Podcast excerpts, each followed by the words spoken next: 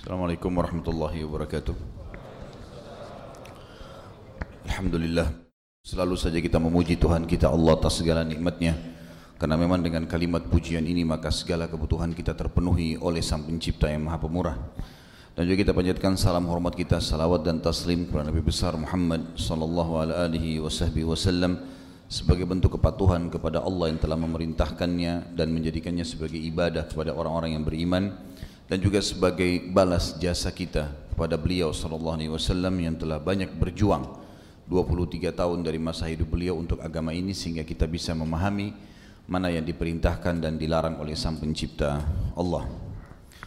Melanjutkan bahasan kita kitab Bulughul Maram dan kita sudah masuk dengan izin Allah siang ini dan semoga Allah berkahi di kitab yang kedua setelah pertama kita sudah bahas dari panjang lebar kitab yang pertama yaitu kitab Tahara.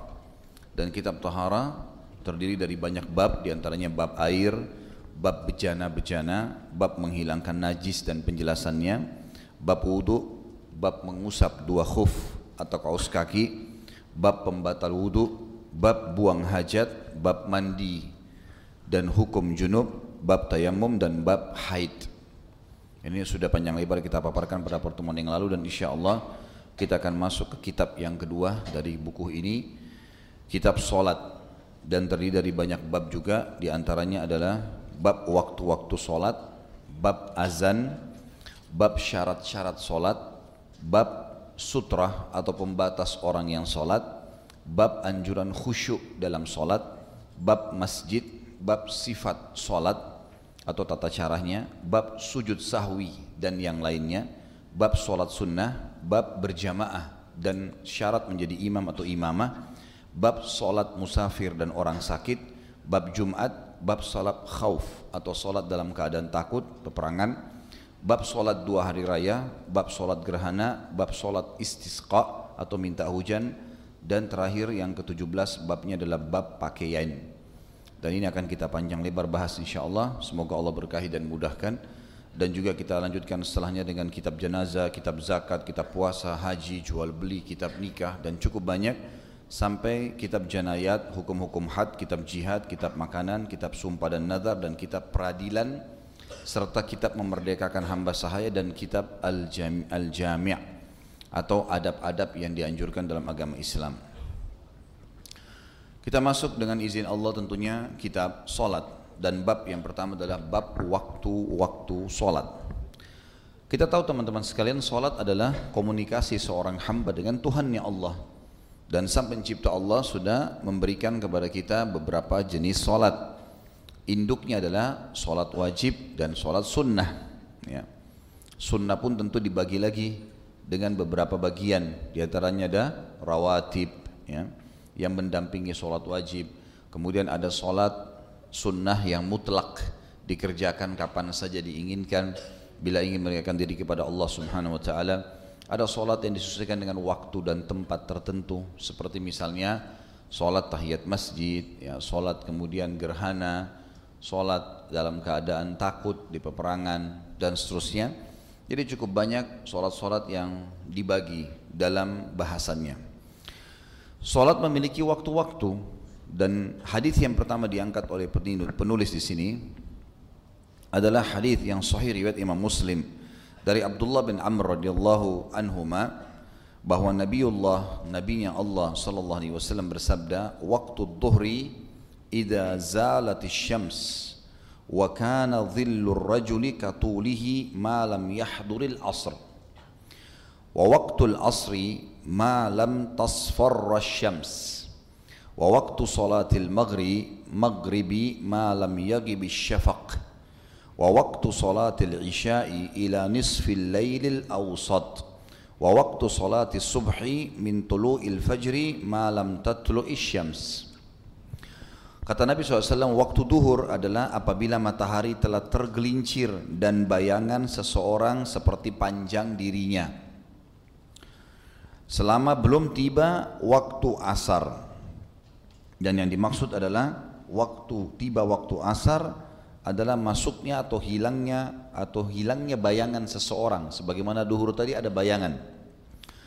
Waktu asar adalah selama matahari belum menguning, masih terik terasa, belum berubah menjadi kemerah-merahan atau mendekati merah. Waktu sholat maghrib adalah selama syafaq dan syafaq adalah awan yang berwarna merah di langit. Biasanya terbenam atau menjelang terbenamnya matahari. Selama syafaq itu belum hilang dan waktu isya adalah semenjak hilangnya syafaq sampai setengah malam yang tengah. Yang dimaksud yang tengah adalah waktu yang menjelang azan subuh atau waktu subuh. Dan waktu sholat subuh adalah dari terbit fajar selama matahari belum terbit. Dan hadis ini diriwayatkan oleh Imam Muslim. Seperti biasa teman-teman sekalian, saya akan jelaskan pelajaran-pelajaran yang kita ambil daripada hadis ini. Pelajaran pertama, adanya waktu penentuan. Mungkin teman-teman bilang untuk apa kita pelajari tentang duhur, waktu asar. Sekarang kan sudah ada jam. Mudah, banyak pengingat, banyak media yang bisa kita pakai. Benar. Tapi mungkin tiba di saat atau ada ada beberapa saat di mana mungkin media kita rusak atau kita berada di sebuah tempat kehilangan jejak di hutan, di gunung, ya kita masuk ke dalam sebuah pedalaman desa, kita nggak tahu ini sudah masuk duhur atau enggak. Nggak ada sinyal HP, nggak bisa kita cek. Jam tangan rusak, mungkin ada orang pesawat jatuh, dia jatuh di tengah hutan. Mungkin kapalnya tenggelam, dia lagi naik kapal laut, mungkin Allahu alam. Mungkin kesasar, naik bus jatuh. Mobil busnya tergelinting jatuh di jurang, dia selamat dan tiba waktu sholat. Banyak yang bisa menjadi penyebab tetap dibutuhkan. Makanya dalam syariat di sini dijelaskan tentang bagaimana kita mengetahui waktu sholat tiba. Duhur dijelaskan saudaraku seiman adalah kalau bayangan seseorang sudah setara sama badannya. Jadi kalau kita berdiri di terik matahari, kita akan lihat tidak ada bayangan kita. Berarti itu sudah masuk waktu duhur. Itu sudah masuk waktu duhur. Dan dikatakan waktu duhur itu akan bertahan sampai sebelum tiba asar. Kapan asar itu?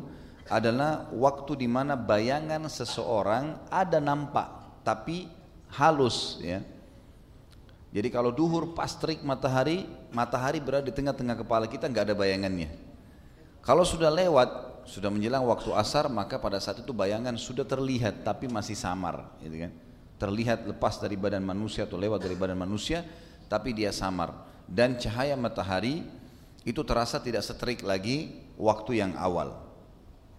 Dan waktu maghrib adalah terlihatnya syafaq. Berarti kalau masuk waktu asar, duhur habis. Waktu maghrib tiba berarti waktu asar habis. Syafaq adalah berubahnya mat, uh, awan yang terlihat yang tadinya kuning cerah menjadi merah, kemerah-merahan. Tepatnya kalau memang matahari sudah terbenam dan kita biasa kalau melihat matahari terbenam maka kita akan temukan kalau mataharinya sudah tidak terlihat lagi awannya berwarna kemerah-merahan dan ini waktu syafaq ya yang dikenal dengan waktu maghrib. Dan waktu maghrib adalah waktu yang paling pendek sholatnya karena hanya dari munculnya syafaq awan merah sampai hilangnya awan merah. Itu sangat pendek. Dan waktu isya adalah hilangnya awan merah sampai menjelang waktu subuh. Ya. Kemudian subuh dari semenjak kelihatannya fajar, biasanya dalam hadis yang disebutkan ada dua jenis fajar, fajar kadhib dan fajar sadiq. Fajar kadhib adalah waktu subuh yang belum masuk waktunya. Biasanya selisih waktu di antaranya adalah ukuran 50 ayat Al-Quran. Kalau sekarang kita bisa mengatakan 40 menit, ya, 45 menit. Di beberapa negara Islam tetap dijalankan sunnah Nabi SAW dengan mengerjakan azan subuh dua kali. Azan subuh pertama itu dianggap dengan fajar kadhib atau belum masuk fajar yang sebenarnya. Dan Nabi SAW di bulan Ramadan mengatakan kalau kalian dengarkan azannya Bilal maka makanlah silahkan masih bisa dan kalau kalian dengarkan azannya Ibnu Ummul Maktum muadzin yang kedua maka berhentilah karena memang sudah masuk azan subuh yang sebenarnya ya. Membedakannya kata sebagian ulama adalah kalau fajar kadhib langit masih gelap. Dan kalau fajar sadiq masuknya waktu subuh yang sebenarnya seseorang sudah bisa melihat ke langit dan sudah bisa melihat ada cahaya walaupun masih lembut ya. Belum pada transisi perbedaan antara malam gelap dengan sudah mulai terlihat terang walaupun belum ada matahari. Itu yang dimaksud dengan fajar sadiq. Dan hadis ini adalah hadis pertama kita yang menjelaskan tentang adanya waktu solat itu sendiri. Seseorang tidak boleh keluar dari waktu solat ini kecuali punya udur syar'i dan udur syar'i yang pertama adalah lupa. Lupa. Ada hadis Nabi SAW yang sahih riwayat Imam Muhammad yang berbunyi, siapa yang lupa solatnya dia kerjakan kapan dia ingat. Misal contoh, sebentar azan asar, kemudian ada seseorang di antara kita tiba-tiba ingat, tadi pagi karena buru-buru keluar dari rumahnya, dia baru ingat kalau dia belum sholat subuh. Mungkin dia dia pikir sudah sholat. Ternyata sekarang baru teringat. Kayaknya tadi saya belum. Saya sudah wudhu, sudah niat mau sholat. Tadinya mau niat sholat misalnya di ruang tamu rumah, tapi karena buru-buru akhirnya sudah naik motor atau naik mobil sudah jalan. Kita pikirnya sudah sholat. Sekarang pas tiba asar baru ingat. Apakah sholat subuh itu dikerjakan atau tidak? Jawabannya harus dikerjakan. Enggak bisa enggak. Walaupun sudah lewat waktunya. Bukan cuma asar, isya baru ingat tetap sholat subuh. Karena hadis Nabi SAW jelas, siapa yang lupa maka dia kerjakan sholatnya maka dia kerjakan sholat tersebut kapan dia teringat kerjakan ya kan gitu udur yang pertama udur yang kedua adalah tertidur tidur karena kata Nabi SAW tiga orang tidak dicatat baginya catatan penah malaikat catatan amal. Orang yang tertidur ya. Yang pertama. Kemudian yang kedua orang yang gila sampai dia sadar. Dan yang ketiga anak-anak yang balik sampai dia eh, anak-anak yang kecil, anak kecil sampai dia balik. Berarti sampai batas balik. Di sini saksi bahasan kita adalah masalah tidur. Seseorang tidur misalnya malam kemudian kebablasan sampai jam 7 pagi subuh sudah lewat terbit matahari apakah dia sholat jawabannya iya sholat harus dia sholat ada orang yang saya kaget pernah nanya sama saya, Ustaz saya kalau lewat subuh ini sudah terbit matahari saya sholat nggak? Saya bilang ya sholat. Oh selama ini saya nggak sholat dia bilang. Saya pikir sudah lewat waktunya berarti sudah ada, tidak, tidak ada kewajiban. Gitu. Walaupun saya berdosa, saya bilang enggak, tetap harus. Karena udur syari tidur ya, tidur. Beda dengan orang yang sengaja meninggalkan sholat. Misal memang dia tidak mau sholat subuh, memang nggak ada niat mau sholat subuh. Kemudian dia hadir pengajian, pas duhur diajak oleh temannya, di kantor misalnya ada pengajian, lalu dia dengar tentang keutamaan sholat, kemudian dia sholat. Pada saat dia tahu keutamaan sholat, dia berpikir, oh saya kayaknya harus sholat nih. Masih ada waktu duhur, dia masih bisa sholat. Subuh sudah lewat, apakah dia di sini wajib mengerjakan subuh? Jawabannya tidak.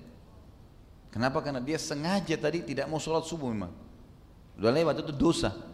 Semoga Allah maafkan dengan dia bertaubat gitu kan. Jadi yang boleh cuma ada udurnya. Lupa, kemudian tertidur. Yang ketiga, hilang akal, masuk dalamnya pingsan.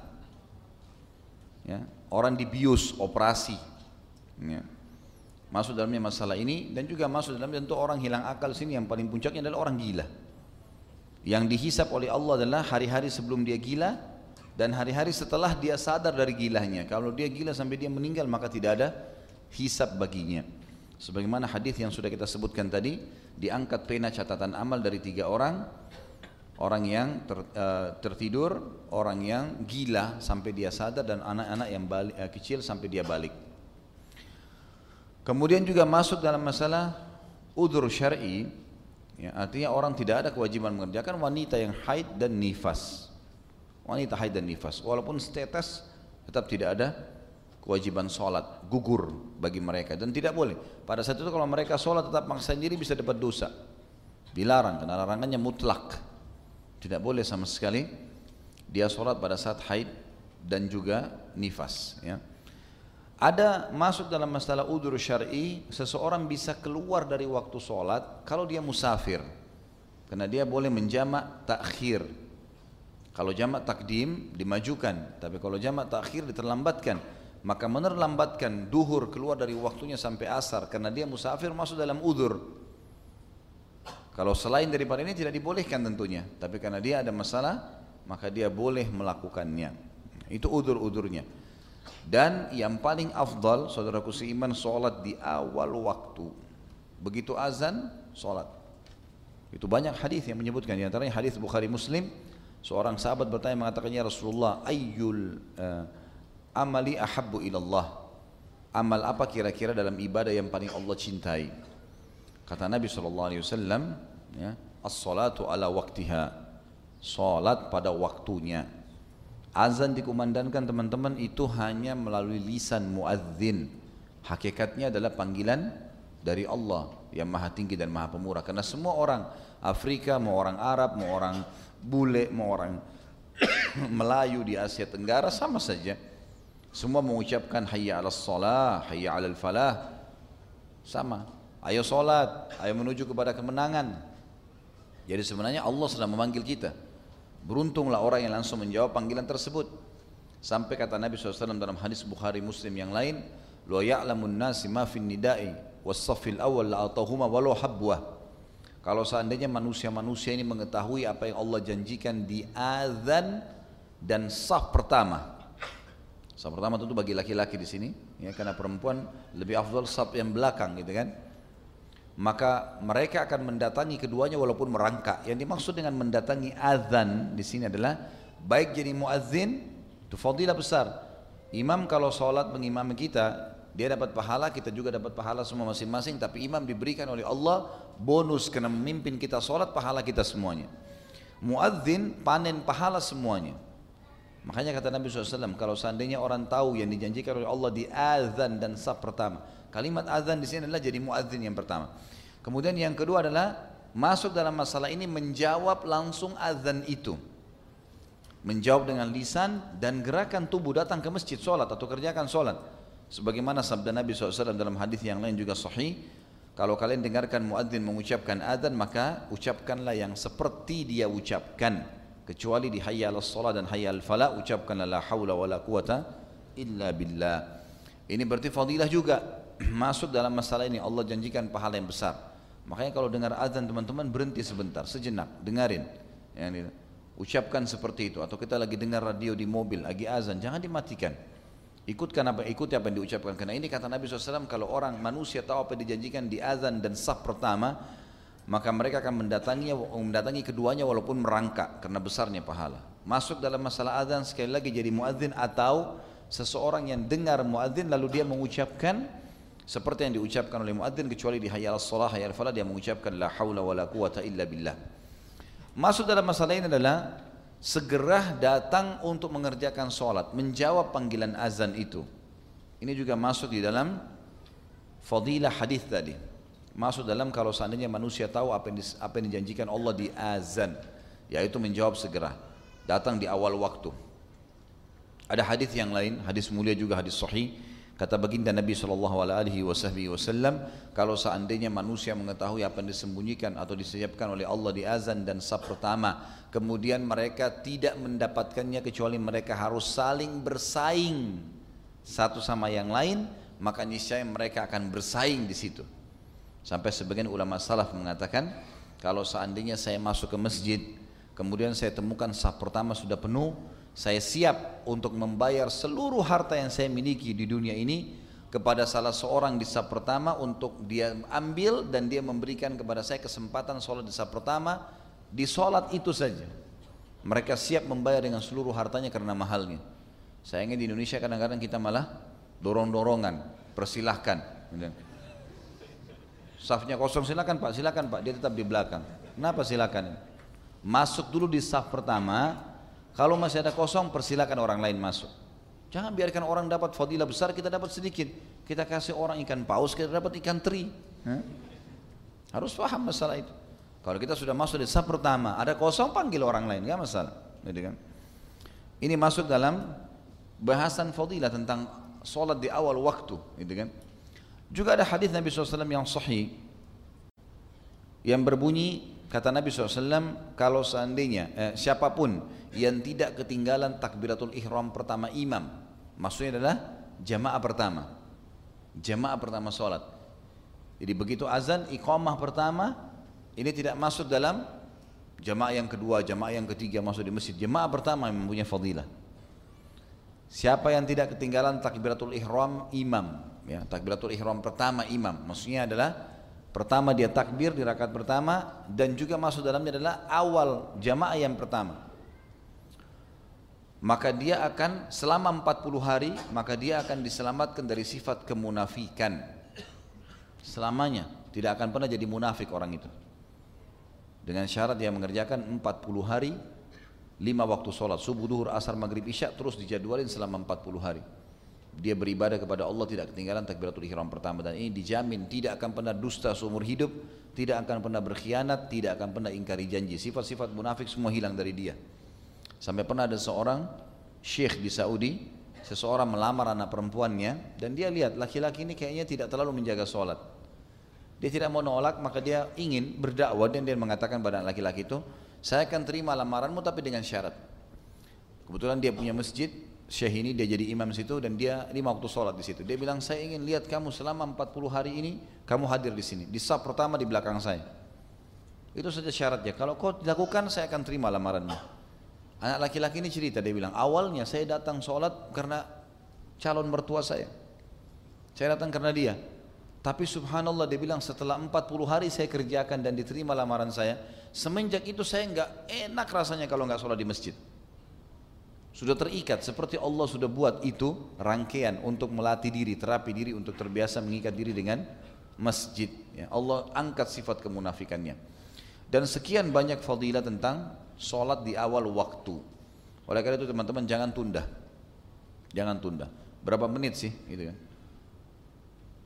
Saya kemarin waktu bimbing umroh, kebetulan ada pengalaman saya temukan ternyata tour leader ada ada mutawifnya ya orang yang membimbing kami di situ dari Jordan dengan supirnya. Pada saat jemaah tiba di Jordan malam dan kami jalan jauh 4 jam ke satu kota yang lain gitu dari Amman ke kota yang jauh di Petra. 4 jam. Pas menjelang subuh saya bilang sama supirnya tolong subuh nanti mampir nah, kita mau sholat subuh. Baik kita akan mampir gini. Begitu masuk masjid dingin sekali memang dua derajat kemarin luar biasa dinginnya Masya Allah gitu dinginnya luar biasa airnya seperti es gitu memang di bulan Oktober Desember ini musim dingin turunlah semua jemaah kemudian uduk gitu kan azan masjid. Saya lihat si mutawif ini sama supir nggak ada hadir di masjid. Saya pikir mungkin sebentar mereka turun. Sampai kami selesai sholat subuh mereka nggak sholat. Udah selesai. Gimana caranya saya nasihatin nih? Ini orang-orang Arab nih. Hah? Ngerti bahasa Arab, ngerti Al-Quran. Mereka baca Quran beda dengan kita loh. Beda dengan antum. Mereka sudah bahasanya. Jadi seperti kalau baca Quran seperti kita baca buku bahasa Indonesia, ngerti semua isinya, gitu kan? Ini nggak sholat, gimana cara nasihatin? Saya lihat momen yang tepat. Selesai habis sholat subuh, berjalan waktu, saya coba sangka baik mungkin mereka sholat, gitu kan? Mungkin saya tidak tahu, mungkin mereka sholat di belakang, habis salam langsung keluar, Allah alam. Tapi saya feelingnya kuat sekali ini orang nggak ikut sholat nih, gitu. Menjelang tiba di lokasi, setelah habis sarapan pagi segala macam kemudian kami menuju lagi ke satu daerah lain gitu kan sekitar satu jam dari situ di tengah jalan lagi terang cuaca gitu. duhur habis menjelang asar pada saat itu ya kami sudah jamak duhur asar kemudian saya lihat, lihat pemandangan bagus sekali gunung-gunung batu karena kita lagi pergi ke padang pasir untuk melihat ke, ke, keajaiban Allah di situ kan ada memang oleh pemerintah Jordan disiapin namanya Wadi Ram khusus untuk melihat keajaiban eh, padang pasir itu seperti apa. Di situ saya menggunakan momen. Saya sempat bilang, ya akhi, kenapa Jordan ini tidak membela Palestina? Saya coba buka pembicaraan. Ini perbatasan cuma lembah. Ini sudah dijajah oleh Israel, ini Palestina, ini Jordan di sebelah. Oh kami sudah berjuang. Kami berjuang dari dulu, gitu kan, melawan. Tapi kalah dalam peperangan sama Israel di tahun, kalau saya tidak salah mereka bilang 68 apa. Terus ada upaya lagi tidak ada. Baik kira-kira menurut anda berdua ini apa penyebabnya? Kenapa tidak kalahin Israel? Mereka berpikir sejenak. Terus saya bilang, saya baru mungkin dua tiga kali datang ke Jordan. Saya tidak melihat ada ketegasan di tengah jalan segala macam. Ada kedekatan diri orang dengan agama. Termasuk Palestina sendiri. Saya sudah masuk ke Palestina, saya bilang sama mereka. Dan saya temukan tidak ada orang yang bisa kita katakan kelihatan orang ini betul-betul uh, tutup perempuannya tutup aurat yang benar seperti kita hijab syar'i di Indonesia misalnya atau mungkin menggunakan cadar dekat Masjid Aqsa tidak ada kita wanita bercadar gitu kan tidak ada juga laki-laki. Masjid saf itu cuma dua saf. Ada apa ini? Saya bilang saya melihat di sana sesuatu yang jauh dari agama. Mungkin gara-gara ini anda semua ini tidak bisa memenangkan peperangan lawan Israel gitu. Mereka dia merenung. Kemudian saya bilang kira-kira pernah dengar nggak kisah tentang seorang anak muda di Amerika? Muslim Waktu itu kalau tidak salah dari Mesir orang ini, dia kuliah di Amerika sekelas dengan orang Yahudi. Satu jurusan. Bukan jurusan agama, jurusan umum. Kemudian si muslim ini bilang sama si Yahudi, kalau uh, kalian sekarang merebut wilayah kami di Palestina dan kami sakit hati dengan itu umat Islam semua marah dengan itu tapi kami belum punya kekuatan sekarang cuman ada hadis Nabi kami tentang tanda-tanda hari kiamat nanti kami pasti akan eh, apa namanya menyerang kalian dan Dajjal akan kami dibunuh oleh Nabi Isa AS dan nanti kami juga akan membunuh kalian hai orang-orang Yahudi. Sampai kalau kalian sembunyi di atas batu di bawah pohon batu dan pohon akan bicara kalau hai muslim ini Yahudi bunuhlah dia. Si muslim ini kaget waktu si mahasiswa Yahudi ini tersenyum. Lalu dia bilang kami juga orang Yahudi tahu hadis Nabi kalian itu. Jadi kalian akan perangi kami nanti kalian akan menang itu kami juga tahu. Tapi yang akan memerangi kami bukan orang seperti kamu ini. Ditunjuk mukanya. Yang akan memerangi kami nanti orang-orang muslim yang sholat subuhnya seperti sholat Jumat. Itu kata Yahudi loh. Saya bilangin mereka berdua ini, sekalian nasihatin antum. Kalau merasa Alhamdulillah. Jadi saya bilang sama dia, Yahudi aja faham kalau sholat subuh yang wajib difahami seperti wajibnya Jumat, penuh semua masjid, di situ kekuatan kaum muslimin. Kalau antum di sini sholat subuhnya cuma dua saf dan terjadi juga di negara kami di Indonesia begitu. Satu saf, dua saf, kadang-kadang muadzin sama imamnya saja berdua. Maka apa yang mau diharapkan? Bagaimana kita mau suruh perang? Selalu penyerangan Nabi SAW itu habis sholat subuh loh. Dalam peperangan Nabi SAW dan selalu berhasil umumnya, itu penyerangan habis sholat subuh karena musuh lagi lalai. Mereka nggak punya ibadah subuh kan.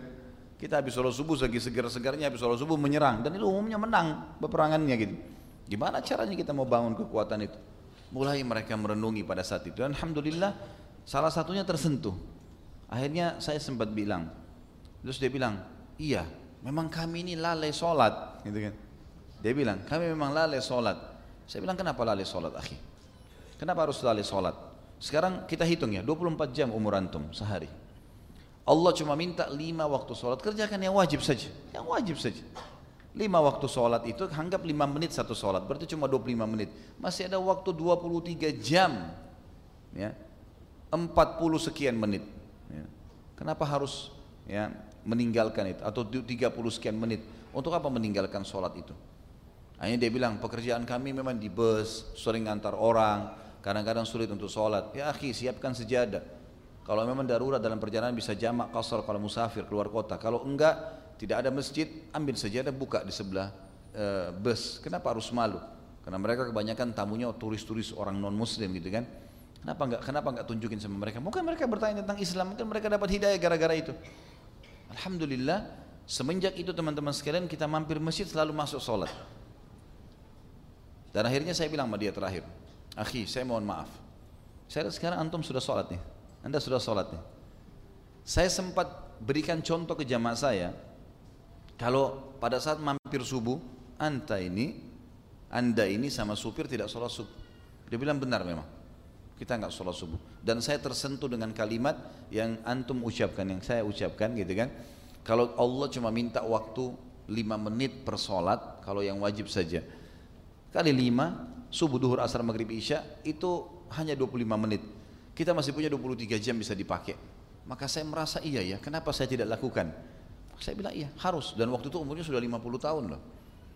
Ini luar biasa gitu kan. Nah banyak orang yang lalai dengan masalah sholat Padahal ini komunikasi dengan Allah subhanahu wa ta'ala Bukankah ada hadis yang sahih berbunyi bahwasanya awal amal yang dihisap hari kiamat adalah sholat Kalau dia baik maka akan membantu yang lainnya Lalu kenapa seseorang melalaikannya Sebagian ulama salaf teman-teman sampai bukan hanya menjaga sholat on time waktu. Sebagaimana para sahabat mengatakan, kalau terdengar azan di zaman Nabi SAW, maka kami semuanya memadati masjid sampai kami tidak menemukan yang uh, meninggalkan masjid pada saat sholat lima waktu di awal jemaah itu kecuali orang-orang munafik. Ini kata mereka para sahabat. Dan sampai seseorang di antara kami yang lagi sakit dijemput oleh sahabatnya atau temannya dan ditopang sampai menuju ke masjid dan pada saat dia berdiri di saf dia memegang pundak temannya atau sahabatnya untuk sholat karena mereka tidak mau kehilangan masalah itu dan siapa yang sholat on time teman-teman Allah akan berikan cahaya di wajahnya, di kehidupannya, diberikan di kemudahan semua oleh Allah SWT karena seperti orang yang absen kita saya kalau kerja di kantor kemudian pimpinan kita sedang memanggil pasti orang yang pertama hadir ya itu akan punya nilai plus oh ini orang selalu tepat waktu. Kalau disuruh kerjaan selalu datang. Ya, seperti itulah kurang lebih.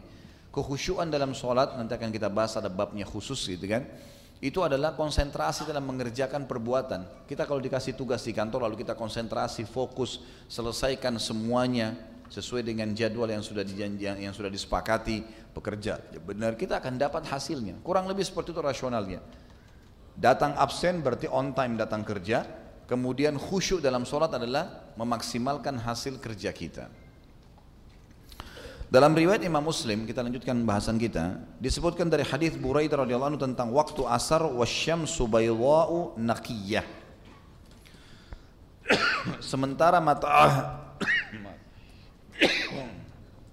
Sementara matahari putih cerah Disebutkan situ ada footnote 288 riwayat Imam Muslim wasyamsu murtafi'atun baydha'un naqiyah dan matahari tinggi putih bersih. Itu waktu asar. Pada saat masuk waktu asar matahari sudah tinggi berwarna putih bersih. Dan sudah tidak terik yang dimaksud. Putih cerah artinya tidak terik lagi, tidak seterik pada saat waktu duhur. Dan dari hadis Abu Musa al-Asy'ari radhiyallahu anhu beliau mengatakan wasyamsu murtafi'ah sementara matahari masih tinggi. Dan ini diriwayatkan oleh Imam Muslim. Ini hadis kita yang pertama di hadis 1000 eh, maaf 128 nomor 128 dan sudah saya sering sampaikan teman-teman sekalian walaupun tulisan di sini angkanya hadis ke 128 tapi yang sudah kita bahas lebih dari 200 hadis. Lebih dari 200 karena satu nomor ini seperti 128 kita lihat di sini disebutkan ada tiga riwayat. Ada tiga riwayat. Kadang-kadang yang berhubungan dengan riwayat tersebut maka penulis datangkan. Jadi kita memang sudah membahas lebih dari 200 hadis baginda Nabi Sallallahu Alaihi Wasallam. Dan tentu teman-teman sekalian juga saya sekalian tunggangi dan saya sampaikan untuk bisa menjadi motivasi buat antum sekalian. Jangan tinggalkan majelis ilmu.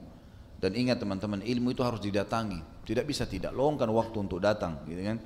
Zaman dulu mereka untuk mendapatkan satu buah hadis teman-teman itu mereka berjalan walaupun perjalanan sebulan. Imam Ahmad pernah mengadakan perjalanan sebulan pergi sebulan pulang untuk mengambil sebuah hadis di ujung wilayah Irak. Dari seseorang yang dia dengar pernah bertemu dengan sahabat Nabi Shallallahu Alaihi Wasallam. Itu luar biasa. Mereka begitu. Antum tinggal duduk di majelis dapat sekian puluh hadis itu luar biasa. Ya. Semestinya jangan disia-siakan karena satu buah hadis bisa merubah hidup kita atau bahkan mengangkat derajat kita menjadi berubah menjadi lebih baik tentunya lebih dekat dengan Allah dan juga mengangkat derajat kita di sisi sang pencipta Allah baik hadis nomor 129 dari Abi Abu Barza Al-Aslami radhiyallahu anhu beliau berkata karena Rasulullah sallallahu alaihi wasallam yusalli al-asra thumma yarji'u ahaduna ila rahlihi fi aqsa al-madinati wasyamsu hayyah wa kana yastahibbu an yuakhira min al-isya' وكان يكره يكره النوم قبلها والحديث بعدها وكان ين وكان ينفتل من صلاة الغداة حين يعرف الرجل جليسه wa yaqra'u bis sittina ilal mi'ah. Rasulullah SAW hadis itu tuh riwayat Bukhari Muslim ya hadis sahih. Bisa dilihat teman-teman yang pegang bukunya di footnote muttafaqun alai nomor 291 Rasulullah SAW melaksanakan sholat asar. Lalu salah seorang dari kami pulang ke rumahnya di pinggir Madinah. Sementara matahari masih putih bersinar cerah. Sampai di sini tentu yang dimaksud adalah waktu asar itu pada saat matahari masih cerah. Seperti kita tahu sekarang Masuknya waktu jam 3, jam 3 sekian Memang masih cerah ya. Beliau menyukai untuk mengakhirkan isya. Beliau membenci tidur sebelumnya dan membenci mengobrol ya, mengobrol sesudahnya. Beliau pulang dari sholat subuh ketika seseorang bisa mengenal teman di sampingnya. Beliau membaca 60 sampai 100 ayat. Hadis ini kita bagi menjadi tiga potongan untuk memberikan manfaat dari hadis. Yang pertama adalah kalimat Abu Barzah radhiyallahu anhu yang mengatakan Rasulullah SAW melaksanakan sholat asar lalu, sholat, lalu salah seorang dari kami pulang ke rumahnya di pinggir Madinah sementara matahari masih putih bersinar cerah. Maksudnya ada dua makna kata ulama hadis. Yang pertama adalah memang waktu asar seperti dijelaskan hadis yang pertama tadi yang di nomor 128 kalau matahari sudah mulai cerah putih terang dan tidak terlalu terik lagi masuk waktu asar. Tidak seterik waktu duhur gitu kan? Seperti kita sudah tahu sekarang tentunya di waktu-waktu kita jam 3 lewat sekian itu sudah masuk asar. Dan kalimat yang mengatakan, dikatakan Abu Barza dan seseorang di antara kami pulang ke ujung atau di pinggir kota Madinah di rumahnya dan waktu itu jauh jaraknya mereka jalan kaki ada yang pakai kuda tapi kebanyakan mereka jalan kaki pulang di pinggir kota Madinah sementara langit masih cerah. Artinya memang jedah waktu antara asar sama maghrib sangat jauh. Dan dianjurkan untuk mengerjakan di awal waktunya. Terbukti mereka pulang pun ke rumahnya di pinggir kota Madinah masih cerah langit. Berarti sholatnya di awal waktu. Tentu di sini teman-teman juga saya ingin beratkan ya, antum yang lagi kerja di kantor, tidak ada udur teman-teman. Kadang-kadang asar dikerjakan sudah menjelang maghrib, gitu kan. Nanti mau maghrib sudah kelihatan gelap, baru mampir sholat asar, kemudian tiba-tiba azan isya, azan maghrib baru sholat maghrib. Ini jangan dikerjakan seperti ini. Mampir sebentar. Alhamdulillah di Jakarta ini masjid banyak, ya. Masjid ini saya sudah pernah sampaikan di beberapa taklim saya teman-teman. Saya duduk dengan beberapa teman di Jakarta Selatan. Kita temukan di Jakarta Selatan ada survei Didatangi satu-satu loh ya. Diteliti masjid dan musola itu jumlahnya 2200 Jakarta Selatan saja. Belum Jakarta Utara, belum Jakarta Barat, belum Jakarta Timur dan seterusnya. Mungkin kalau kita pukul rata rata-rata 2000 Maka kita punya 5 wilayah di Jakarta itu berarti sudah ada 10 ribu masjid dan musola. Kenapa nggak mampir sholat? Mampir sholat teman-teman sekalian, hadap kepada sang pencipta Allah. Siapa yang tahu setelah itu antum meninggal dunia? Tidak ada yang tahu. Ada seorang supir taksi di Saudi menceritakan, ada dua penumpang dia duduk asing muda. Rupanya anak, -anak muda ini nggak sholat gitu. Mampir tengah jalan, azan, duhur, mau dijamak dengan asar karena mereka musafir, keluar kota. Lalu supirnya mengatakan, saya bilang sama kedua anak muda, kita saya mau sholat. Iya paman, silakan sholat aja, kami tunggu di sini. Kata supirnya, kenapa kalian tidak sholat? Ikut sholat lah, sebentar, menghadap kepada Allah, dinasihatin lah gitu kan. Rupanya si kakak tersentuh si adiknya enggak, gitu kan. Adiknya bilang, sudahlah paman enggak apa-apa, nanti kami sholat, gampang gitu. Mereka berusaha menghindar. Rupanya si kakak bilang, sudahlah adik, kayaknya paman ini benar, kita sholat aja. Maka ini manfaatnya nasihat ya, walaupun cuma lima menit sampaikan kepada orang. Mungkin subhanallah dia mau sholat gitu kan.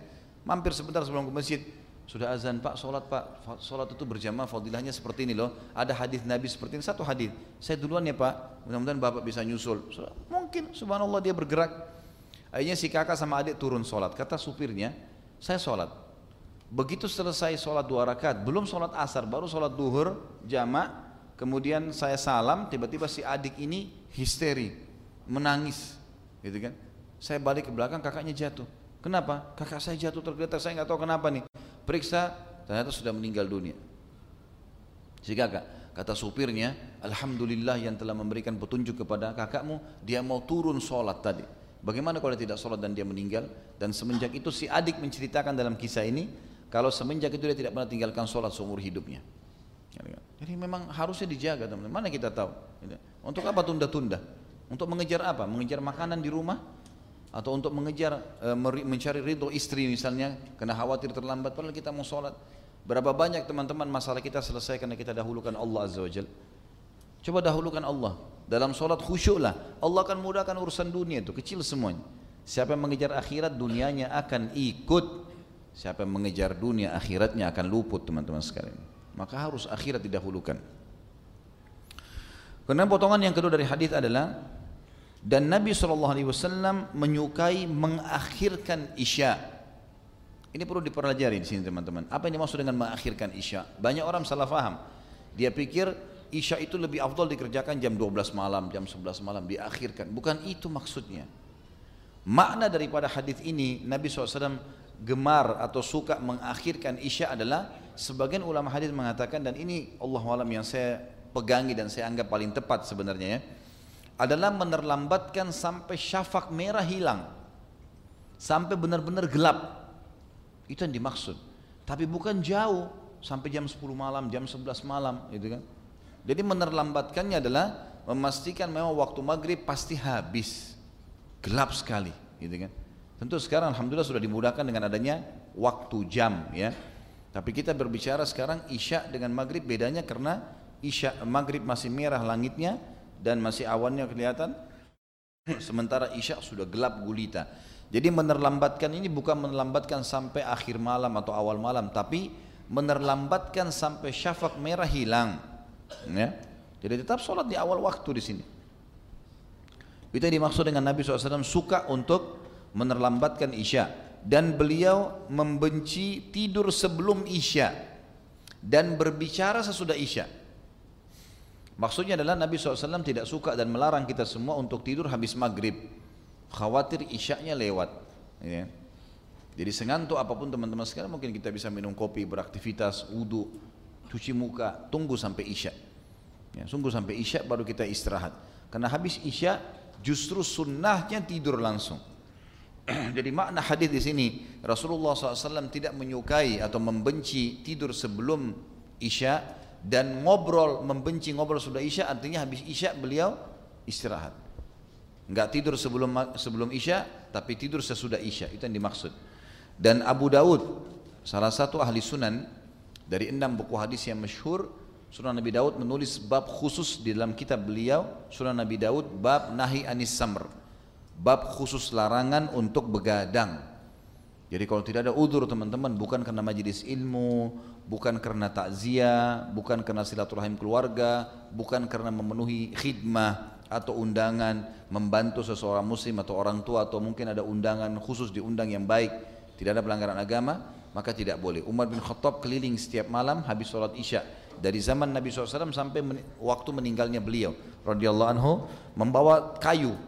Setiap habis isya keliling. Kalau ada ditemukan orang-orang lagi kumpul ditanya kenapa kalian kumpul?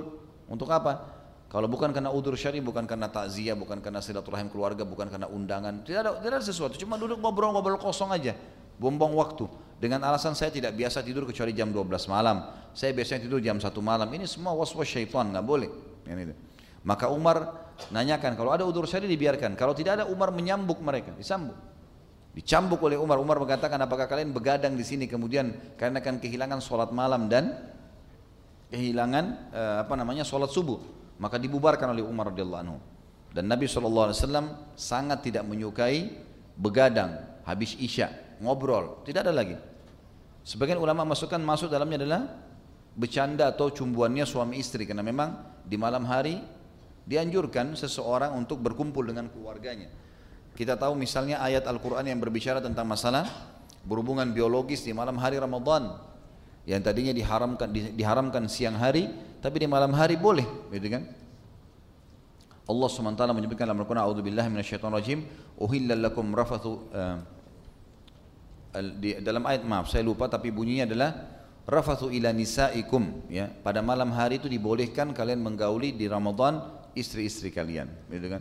Memang di malam hari seperti itulah. Dan kita tahu dalam masalah kasus orang berumah tangga ataupun poligami maka dia masuk dalam masalah hak mabit atau menginap maka itu masuk dalam hal yang dibolehkan tidak masuk dalam hal tidak menjadi bukan berarti tidak boleh ngobrol sama istri pun tidak istrinya ngobrol diam kita harus tidur sekarang enggak gitu kan jadi dibolehkan gitu kan Yang dimaksud ini adalah hal yang sia-sia karena banyak orang ngobrol, buang-buang waktu di pinggir jalan, nggak ada gunanya gitu ya.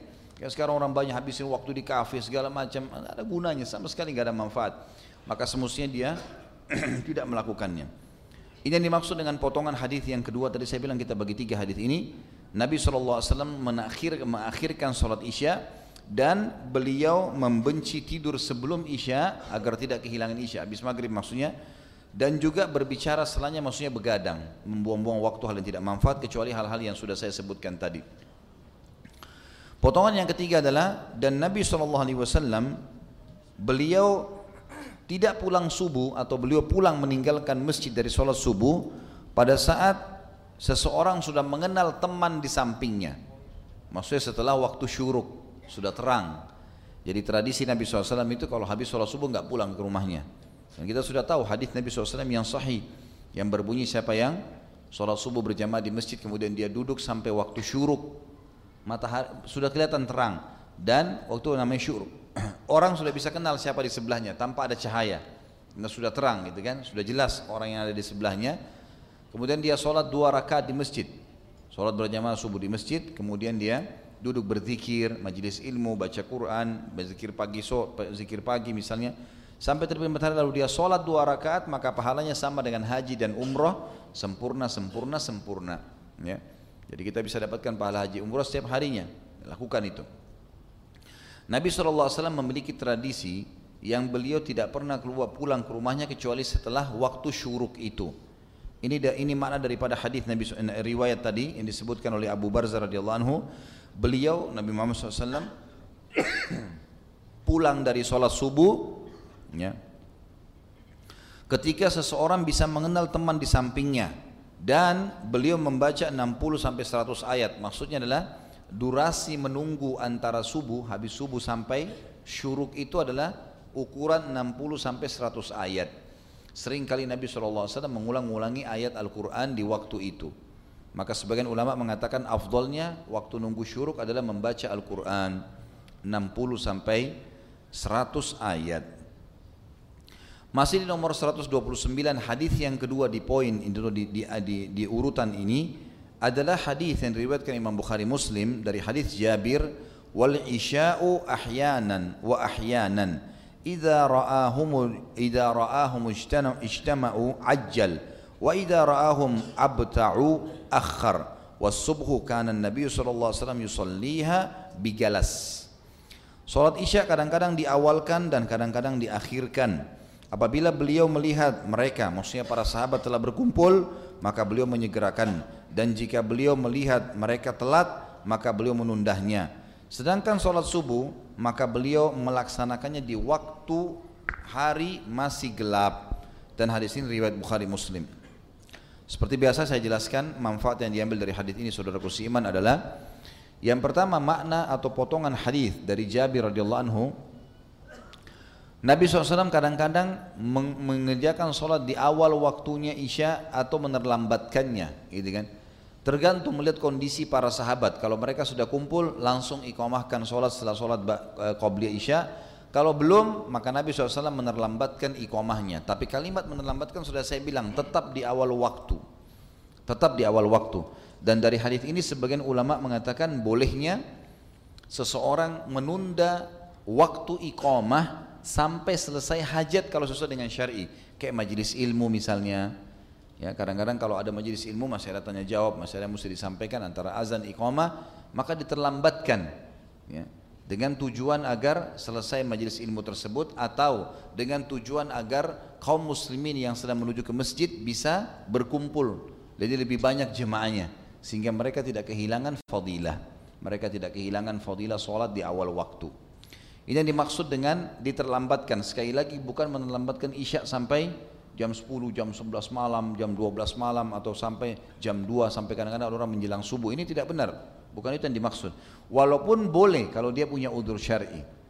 Dia tadi ketiduran misalnya ya, dia musafir, dia memang mentakhir ya, kemudian dia menerlambatkan waktunya, maka ini semua beda. Hukumnya ada kalau ada udur syar'inya.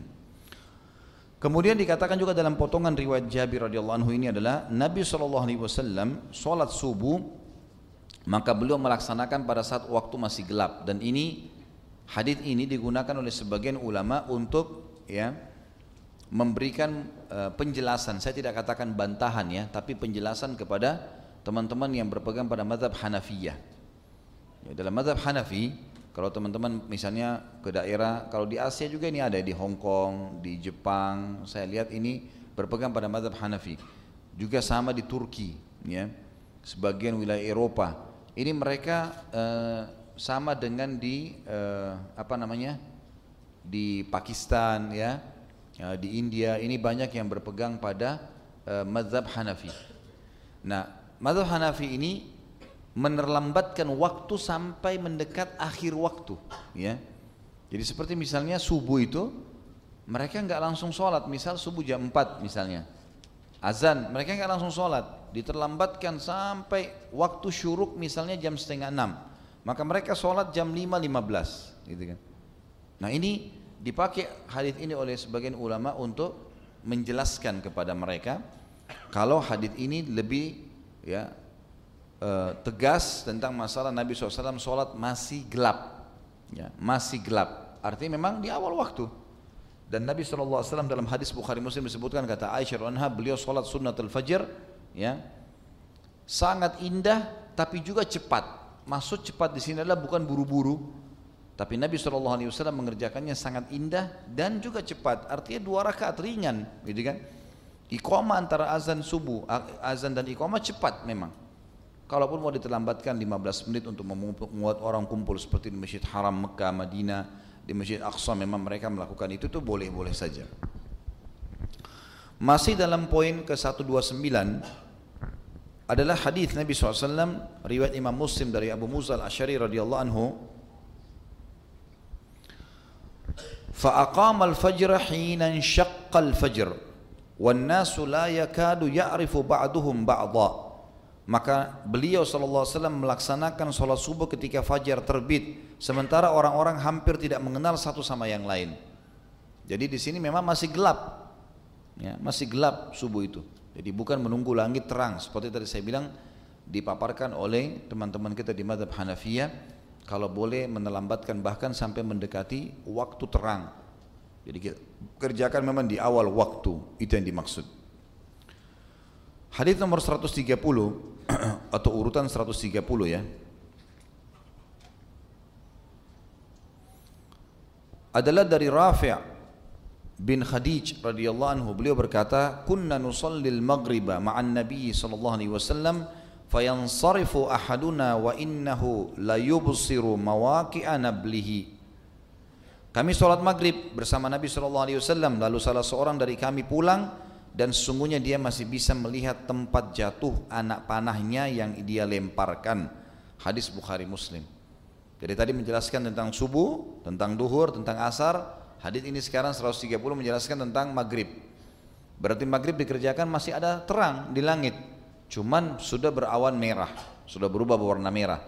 Dan makna daripada perkataan Rafi radhiyallahu anhu ya tentang masalah kami masih bisa seseorang dan sebubar sholat maghrib kami masih bisa melihat tempat dia melempar anak panahnya seperti kalau kita sekarang bisa melihat sandalnya ya. Masih terang masih bisa melihat masih ada cahaya dan ini berarti masih masuk waktu maghrib. 131 dari Aisyah radhiyallahu anha beliau berkata a'tama Rasulullah sallallahu alaihi wasallam dzata lailatin bil isya hatta dhahaba 'ammatul lail thumma kharaja fa shalla wa qala innahu la waqtuha laula an ashukka ala ummati. Suatu malam Rasulullah SAW mengakhirkan sholat isya sehingga sebagian besar waktu malam telah berlalu. Kemudian beliau keluar dan sholat dan beliau bersabda, sungguhnya inilah waktunya jika seandainya aku tidak memberatkan umatku diriwayatkan oleh Imam Muslim. Ulama hadis menanggapi hadis ini mengatakan sebagian antara mereka mengatakan yang dimaksud dengan sebagian besar waktu malam telah berlalu adalah sebagian waktu dari azan isya sampai yang biasa Nabi SAW kerjakan. Ya. jadi bukan yang dimaksud di sini dari sebagian pendapat ulama ya bukan berarti dibiarkan sampai setengah atau mayoritas waktu malam lewat berarti sudah menjelang subuh. Bukan itu yang dimaksud. Walaupun ada yang berpendapat begitu ya tetapi yang kita pegangi adalah yang saya pegangi pendapat yang mengatakan dimaksud adalah Nabi SAW biasanya habis azan isya kalau sudah mulai gelap hilang awan merah beliau azan suruh Bilal azan kemudian beliau sholat sunnah qobliyahnya kemudian diberikan durasi beberapa ayat Al-Quran lalu kemudian iqamah sholat. Nah Nabi SAW suatu malam pernah menerlambatkan dari waktu yang biasa beliau sholat. Yang dimaksud hilangnya atau di sini dikatakan sebagian besar waktu malam adalah sebagian besar waktu malam antara azan dan iqamah yang biasa Nabi SAW kerjakan umumnya. Berarti di sini jangan difahami menerlambat sampai sepertiga malam misalnya. Dan di sini Kata Nabi SAW waktu Aisyah, Aisyah mengatakan Nabi SAW bersabda sungguhnya inilah waktunya. Maksudnya diterlambatkan supaya sampai gelap benar, dipastikan semua itu. Jika seandainya tidak memberatkan umatku. Kenapa ada kalimat tidak memberatkan umatku? Karena zaman itu setelah sholat isya semua orang tidur. Umumnya orang semua tidur. Maka mereka dikhawatirkan tertidur. Nabi SAW mengatakan kalau tidak membuat mereka susah, maka saya sengaja menelambatkan ikomahnya supaya dipastikan awan gelap gulita, langit gelap gulita baru dikerjakan sholat isya itu. Allahu alam itu yang dimaksud. Kemudian dalam 132 hadis yang lain menjelaskan kepada kita dari Abu Hurairah anhu beliau berkata Rasulullah SAW bersabda idza shtaddal harru fa abridu bis salah fa inna shiddatal harri min faihi jahannam apabila panas sangat menyengat maka laksanakanlah sholat duhur ketika cahaya sudah agak dingin karena panas yang menyengat itu berasal dari hembusan neraka jahanam. Ulama hadis merincikan hadis ini mengatakan di zaman Nabi Shallallahu Alaihi Wasallam masjid beliau tidak beratap, masjid beliau tidak beratap. Jadi masjid Nabi SAW dulu itu dibangun oleh beliau berdinding, ada pintunya, gitu kan? Pintu satu untuk masuk jemaah dan pintu yang satu untuk beliau SAW keluar dan nyambung ke rumahnya. Ya kan? yang dimasuk oleh para sahabat adalah babus salam sekarang ya. Sisi yang lain uh, sisi yang lain dari rumah Nabi SAW gitu. Maka pada saat itu mereka atau Nabi SAW tidak menyuruh atap masjid diletakkan supaya ada udara di musim panas Madinah panas sekali bisa sampai 50 derajat, 55 derajat panasnya. Jadi sangat luar biasa panasnya. Maka dengan dibukanya tidak pakai atap zaman dulu tidak ada pendingin, maka di malam hari, di waktu maghrib, di waktu isya mereka tidak rasakan panas.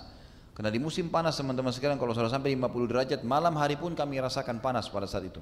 Luar biasa panas karena yang panas mataharinya panas dan udaranya itu anginnya juga panas. Ya. Maka sampai membuat kadang-kadang bibir pecah-pecah, telapak kaki dan seterusnya dengan hikmah Allah tentunya. Maka di sini yang dimaksud adalah Nabi SAW mengatakan kalau seandainya sholat duhur itu lagi panas, maka terlambatkanlah sampai agak dingin. Ulama hadis di sini peka merincikan. Apa yang dimaksud dengan melambatkan sampai udara dingin? Sementara kalau di musim panas tidak mungkin ada udara dingin. Maka mereka merincikan mengatakan puncak panas ya, di siang hari itu di awal waktu duhur. Jadi di awal kita berdiri cahaya tidak bayangan kita tidak kelihatan sama sekali, di situlah puncak panas. Kalau diterlambatkan beberapa menit saja dari itu, maka sudah cukup untuk membuat matahari tidak sepanas itu lagi. Dan ini yang dimaksud dengan tunggulah sampai cuaca agak dingin. Maksudnya di sini bukan musim dingin datang, atau mungkin bukan udaranya berubah jadi dingin karena tetap panas. Memahaminya harus faham di sini jelas. Yang dimaksud adalah tidak sholat pada saat pas waktunya. Diterlambatkan beberapa, kalau kita sekarang beberapa menit.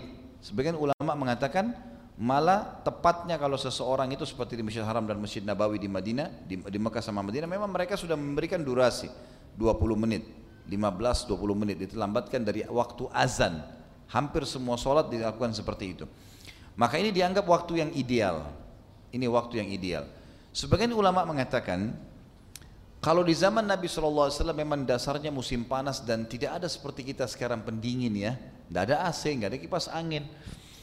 Berarti penyebab disuruhnya duhur diterlambatkan sedikit dari waktunya supaya panasnya reda dan tidak ada penutup atap masjid. Kalau sekarang masjid sudah ada tutup atap ya, ada AC, ada segala macam, maka tidak ada tidak ada masalah. Karena penyebab tadi dibolehkannya untuk menerlambatkan karena masalah panas. Kalau sudah hilang penyebabnya maka sudah selesai.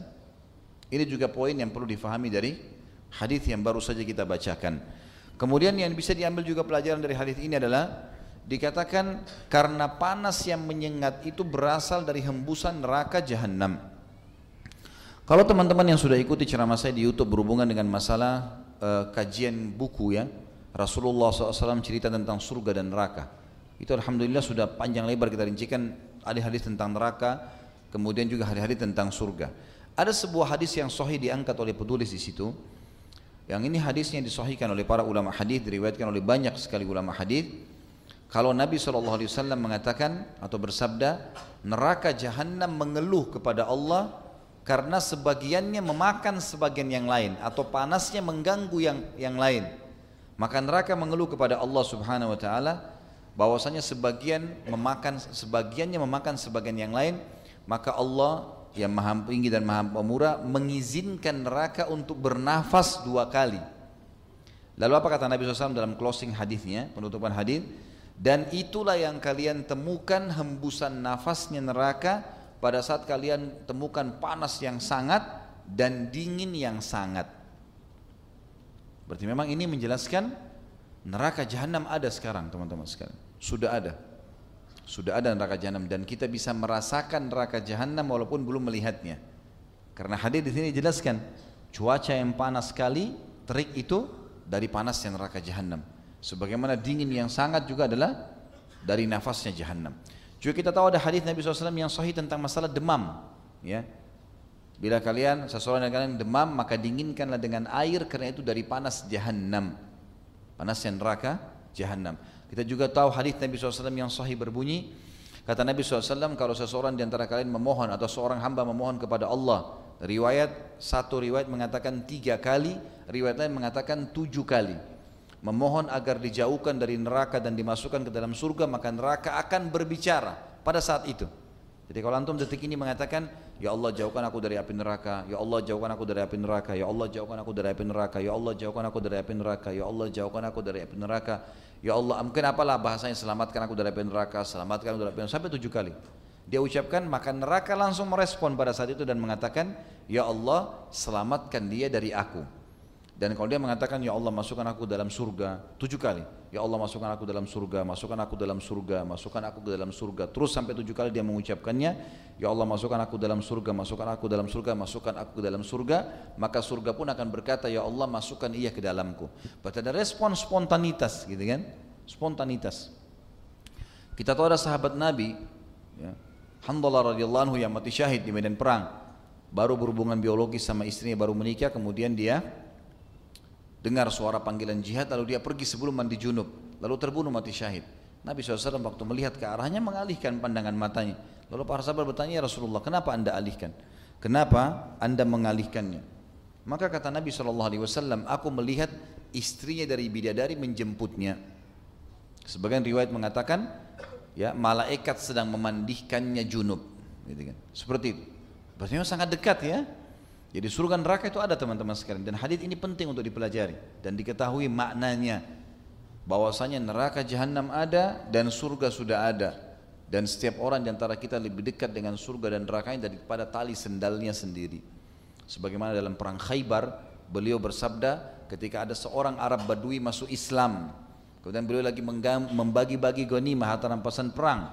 Lalu kata Nabi SAW ya berikanlah orang ini juga Nah, dia syahadat lagi pembagian ghanimah antara rampasan perang.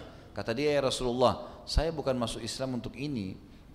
Saya mendengarkan ini. Jadi orang ini rupanya dengarkan dari para sahabat Nabi SAW sebelum mengikrarkan syahadat di hadapan Nabi SAW bahwasanya orang kalau pergi berperang di jalan Allah mati terburu masuk surga surga itu seperti ini dan seperti itu yang menjadi motivasi buat para sahabat maka dia bilang saya ingin mengejar apa yang dikejar oleh sahabat-sahabat anda itu kata Nabi SAW Allah kasih kau kalau kamu jujur Begitu dipecikan uh, takbir, gitu kan? Terus anak panah Yahudi lewat, sebetulnya orang ini mengatakan ya Rasulullah saya berharap Allah memudahkan agar anak panah Yahudi dilemparkan tertuju ke arah saya kena di sini tembus di sini gitu kan ditunjuk titiknya.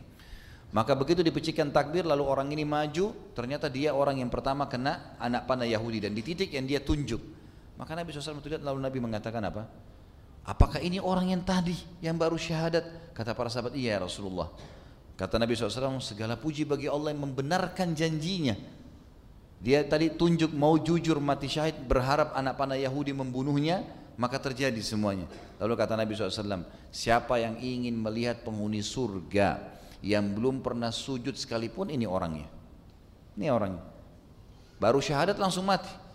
Masuk surga gitu kan. Ya nasib antum sekarang harus ibadah dulu kan gitu. Tapi ya begitulah. Allah SWT berikan kepada siapa yang dia inginkan dia syahadat langsung mati syahid gitu kan Maka pada satu Nabi SAW dipesan kepada kita semua, apa kata beliau? Demi zat yang jiwa Muhammad dalam genggamannya, seseorang di antara kalian lebih dekat dengan surganya daripada tali sendalnya sendiri. Dan demi zat yang jiwa Muhammad dalam genggamannya, seseorang antara kalian lebih dekat dengan nerakanya daripada tali sendalnya sendiri. Tinggal beriman, patuh, beramal soleh, selesai. Masuk surga, gitu kan? Seseorang membangkang, bermaksiat yang cuma sebentar saja kenikmatannya, dia mati dia akan masuk neraka. Seketika saja dan neraka sama surga sudah ada dan ini dalilnya menjelaskan hembusan yang kita rasakan di panas yang terik dan yang dingin yang sangat adalah termasuk ya bagian daripada api neraka jahanam. Allahu alam.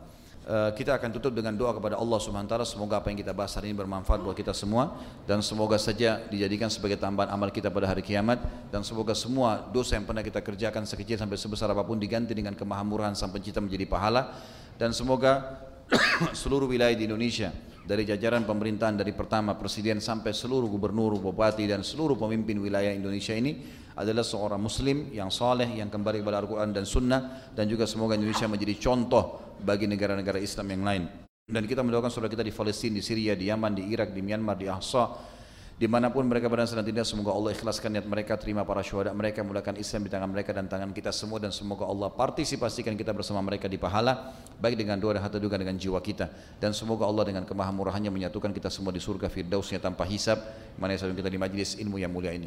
Sebelum kafaratul majlis saya mau menyampaikan karena ini pernah saya sampaikan dulu cuma informasi sekitar setengah menit insya Allah berhubungan dengan masalah travel haji dan umroh yang pernah saya iklankan e, nama ada seseorang nama yang saya katakan namanya Agus dan nomor teleponnya pernah saya sebutkan juga di beberapa episode kita yang lalu yang 081193000723 itu akad antara saya dengan dia sudah selesai di Desember ini.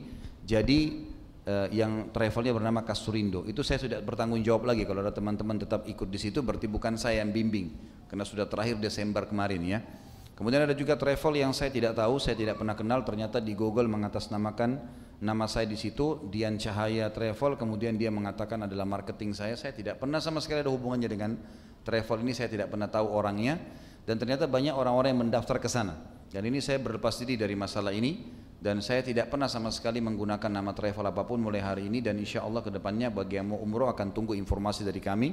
Nanti insya Allah tim KHB akan menginformasikan ada KHB Travel yang akan berangkat yang saya bimbing langsung. Allah alam dari 2017 sampai ke depannya dengan izin Allah mungkin begitu subhanakallahumma bihamdika asyhadu an la ilaha illallah astaghfirullah wa atubu ilaih wassalamualaikum warahmatullahi wabarakatuh